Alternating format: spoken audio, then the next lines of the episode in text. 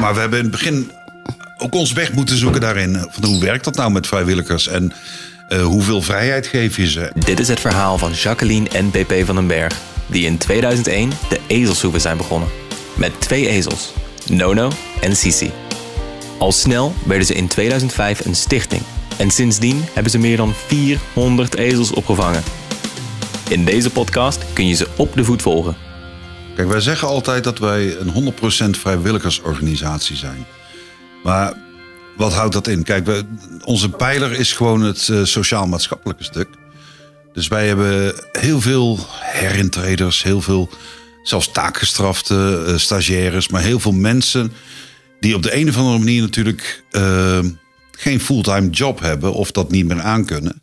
En die hier hun weg vinden. Maar ja, hebben we dat al 18 jaar? Ja, eigenlijk wel hè? Ja, eigenlijk wel, vanaf het begin af aan zijn het eigenlijk altijd al mensen geweest waar, eh, zoals wij vaak zeggen, een hoekje van af is. Ja. En dat bedoelen we helemaal niet onaardig, want ook aan ons is een hoekje af. Anders deden we dit allemaal niet. En uh, het zijn mensen die eigenlijk de ezels nodig hebben. Ja, en, en in het begin zeiden we het altijd voor de grap: wij hebben ezels om mensen te helpen. Maar eigenlijk is dat nog steeds ja, zo. Dat is nog steeds zo. En uh, je ziet gewoon in de jaren is er ook een, een, een, stroom. We hebben vrijwilligers die er al 17 jaar vrijwilligen. Dus het is gewoon echt van het begin eigenlijk zo'n beetje van de stichting uh, vrijwilliger hier. Maar we hebben in het begin ook ons weg moeten zoeken daarin. Van hoe werkt dat nou met vrijwilligers? En uh, hoeveel vrijheid geef je ze? En hoeveel. Uh, want in het begin waren de vrijwilligers natuurlijk zo betrokken dat ze ook dachten dat ze alles mee konden bepalen. Nee, ja. natuurlijk kan dat niet. Je bent een professionele organisatie.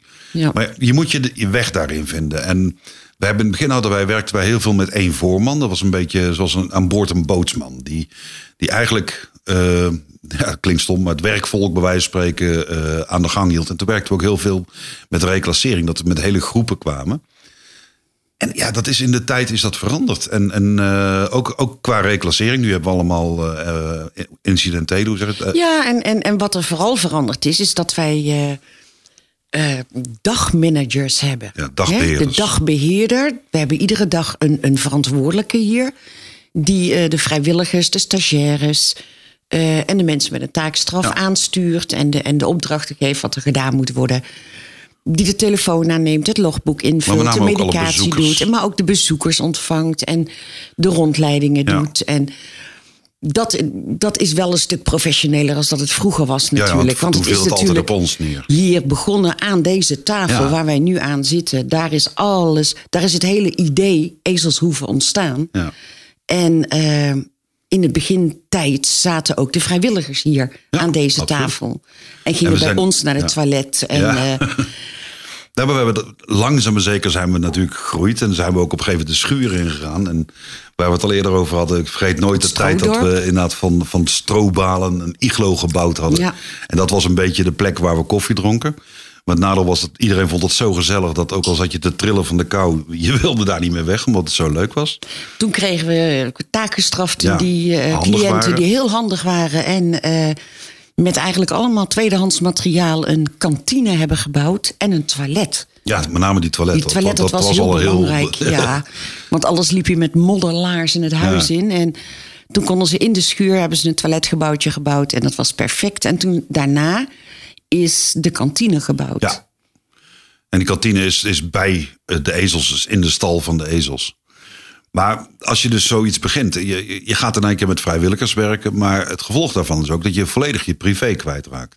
Ja. Dus wij zijn het gestart en er zijn steeds meer vrijwilligers gekomen en iedereen liep overal. Dus je had, je had helemaal geen leven meer, geen privéleven geen, geen privé meer. meer. Je kon dus nooit wij... eens in je neus peuteren of zo. Nee, bij wijze van spreken. Ja, maar ja. iedereen stapte maar binnen en, ja. en, en, en daar hebben we in die jaren hebben we daar echt onze weg in moeten vinden. Ja. Dat we gewoon ook een stuk privé hebben afgesloten.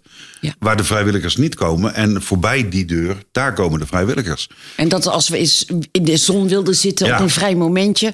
Onze voortuin is onze achtertuin geworden. geworden He, die hebben we zo ingericht dat wij in onze voortuin zitten. Wij ja, maar als wij, als wij gewoon eens een keer even relaxten, voelden wij al ons schuldig. Ja, Want dan ja, kwam er een vrijwilliger die aan het werk was en dan werd je weer. Ja. Dus daar hebben we echt wel uh, in de jaren ons weg in moeten vinden. Maar als je gewoon nu kijkt en, en heel veel dierenwelzijnsorganisaties, met name die, die echt moeite hebben met vrijwilligers te vinden.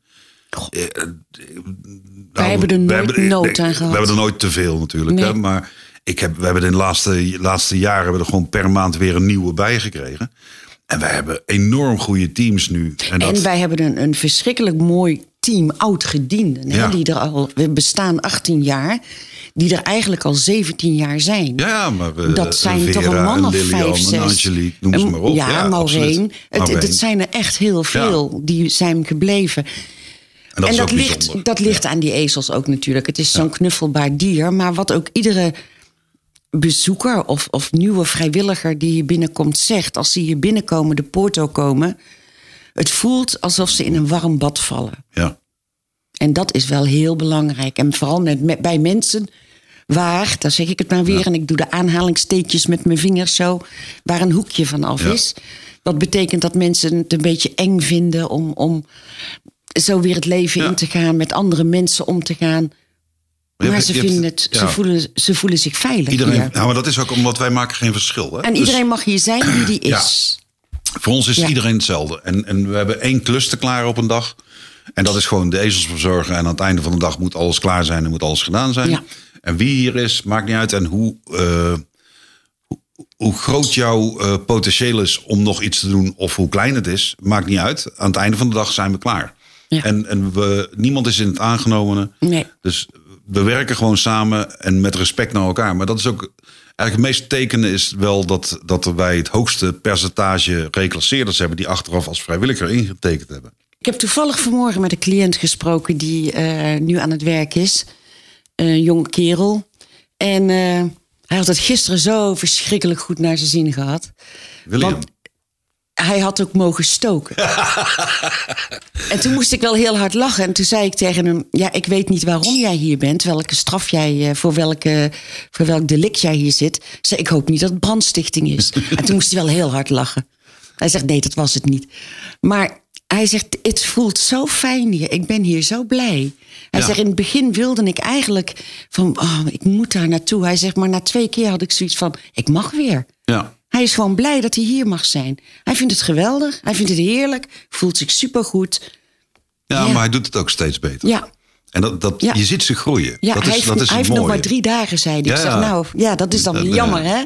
Hij zei, ja, maar ik heb, uh, op de website wel. staat ook dat stuk over kintsugi. En kintsugi is eigenlijk uh, die goudverf, goudlijm... waarmee ze gebroken keramiek herstellen. En dat is Japans. En, en uh, het staat eigenlijk voor dat juist die breuklijnen bijdragen aan de schoonheid van het artikel. Of van ja. de keramiek. En, en heel die werking, zoals wij met onze mensen en ezels hier zijn, werkt als kintsugi voor mensen. En ja. wat ik ook op de website heb geschreven is, is sommige mensen komen echt als, als een, een hand, handvol scherven hier binnen. En die moeten echt helemaal van de onderkant van de samenleving een weg weer terugvinden. En andere mensen die zie je het bijna niet aan. Maar iedereen heeft die breuklijnen. En die ezels en gewoon heel, heel de werking hier werkt wat dat betreft als kintsugi. En die mensen, je ziet ze opknappen, je ziet ze groeien. En het ezelvirus, dat is echt serieus een, een, het mooiste virus wat er is. Het is levenslang, hè? Het is levenslang. Hè? Want als je hier eenmaal zit en je bent hier tussen, dan blijf je ook, ook die liefde voelen en je blijft, je blijft ook daarna terugverlangen. We hebben ook veel vrijwilligers die door omstandigheden weg zijn geweest. Hadden andere banen, die moesten andere dingen doen. En de eerste kans die ze krijgen om het weer terug in hun leven te plaatsen, dan komen ze weer terug. Ja, we hebben er net weer eentje ja, terug. Lilian, die, die, uh, die is acht jaar, uh, ja. acht jaar weg geweest. Ja. En die is weer teruggekomen. En die misten het gewoon. Ja. Ongelooflijk. Vanwege de werk. Die moest veel meer weer gaan werken. En uh, nu heeft ze weer een dag vrij. Hoe kom je in het begin aan vrijwilligers? Helemaal in het begin? Ja, hoe kwamen we helemaal in het begin aan vrijwilligers? De eerste vrijwilligers die wij kregen waren eigenlijk de mensen die wij, omdat wij op de open dag van het dierenasiel in Breda ja. stonden. Of Tilburg? Dus wij, wij gingen. Ja. Tilburg of Breda, weet ik niet meer. Nee, uh, Tilburg. Maar ja, dat maakt Tilburg, ook niet zo niet uit. Breda. En daar kwamen mensen, en wij stonden daar met ezeltjes. En, uh, met een met ezels en met een stand. En we zijn dus in de beginjaren zijn we best wel vaak naar buiten gegaan. Omdat ja, je hebt geen idee wat je moet doen als je stichting bent. Dus ga je maar dat soort dingen doen. Je moet je laten zien, je moet, je moet laten, je laten weten zien. dat je er en, bent. Uh, Maar ja, daar stonden wij altijd zelf achter. Dus iedereen die kwam en die raakte met ons aan de babbel. En daardoor hebben we eigenlijk die eerste vrijwilligers aangetrokken. En die zijn er allemaal nog steeds. En die zijn er nog steeds Ja. inderdaad. Maar ook eh, op Omroep Baarle. Dat is gewoon eh, de lokale omroep van, eh, van dit, deze Dorp. megastad Baal. Wereldstad, maar die hè? lokale omroep, daar waren we op. En dan, dat hoorde weer iemand en die kwam dan weer erbij. En, Ja. en zo ging dat heel geleidelijk aan. En langs zeker hebben we natuurlijk zoveel bekendheid via social media en via eh, andere wegen. En ook via televisieuitzendingen. Dat, dat mensen ons wel weten te vinden. En, en wat je heel vaak merkt is dat mensen komen hier, bijvoorbeeld als, eh, misschien omdat ze adoptieouder zijn of wat dan ook. En die komen hier en dan hoor je achteraf een vraag van, kan ik niet af en toe eens een dagje meedraaien? En, en ze merken gewoon hoe gaaf dat is als ze ook iets kunnen doen. En dat, dat worden vaak de meest trouwe Ja, vrij. Kijk naar absoluut. George. Ja, dat worden de meest trouwe vrijwilligers. Die Ja. eh, een dag minder is gaan werken, zodat hij hier een dag extra kan draaien. Dat hij mooi een dag mee kan doen. Ja. Ja, nog even, we kunnen echt lang op vakantie. ja, dat is echt wel heel super gaaf. En, Nee, en wij draaien- hebben vrijwilligers Ja. die niet alleen hier uit het dorp, eigenlijk de Nee. minste mensen komen van hier. Ja. De, de, wij hebben mensen uit. eh, Achter Nijmegen achter en uit Nijmegen. Delft en uit die komen eh, één keer per week, hè? En Den Haag. Dus en die onze rijden gewoon anderhalf uur Wim, ruim. die- Ja, Wim uit Beverwijk. Beverwijk. die rijden gewoon anderhalf uur ruim om hier te kunnen Ja, vrijwilliger. vrijwilligen een dagje. Ja, dat is echt wel heel bijzonder. Ja. Maar ook wij zijn nog steeds vrijwillig. Hè? Dus wij hebben Ja. niemand in dienst. Wij hebben geen mensen op onze Wij krijgen payroll. ook geen salaris. Wij krijgen ook geen salaris. Dus wij doen, zolang, dit, zolang we dat kunnen trekken, en dat, dat kunnen wij tot het einde trekken, hebben we wel eh, besloten en uitgerekend. Wij werken puur alleen met vrijwilligers. Dus iedereen is hier vrijwillig en iedereen is ook eigenlijk daarin gelijk.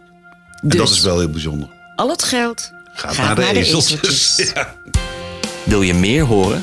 Abonneer je dan in de app waar je luistert. En wil je dat meer mensen naar deze podcast gaan luisteren? Laat dan een recensie achter. Zo wordt de Ezelshoeven podcast beter vindbaar voor anderen.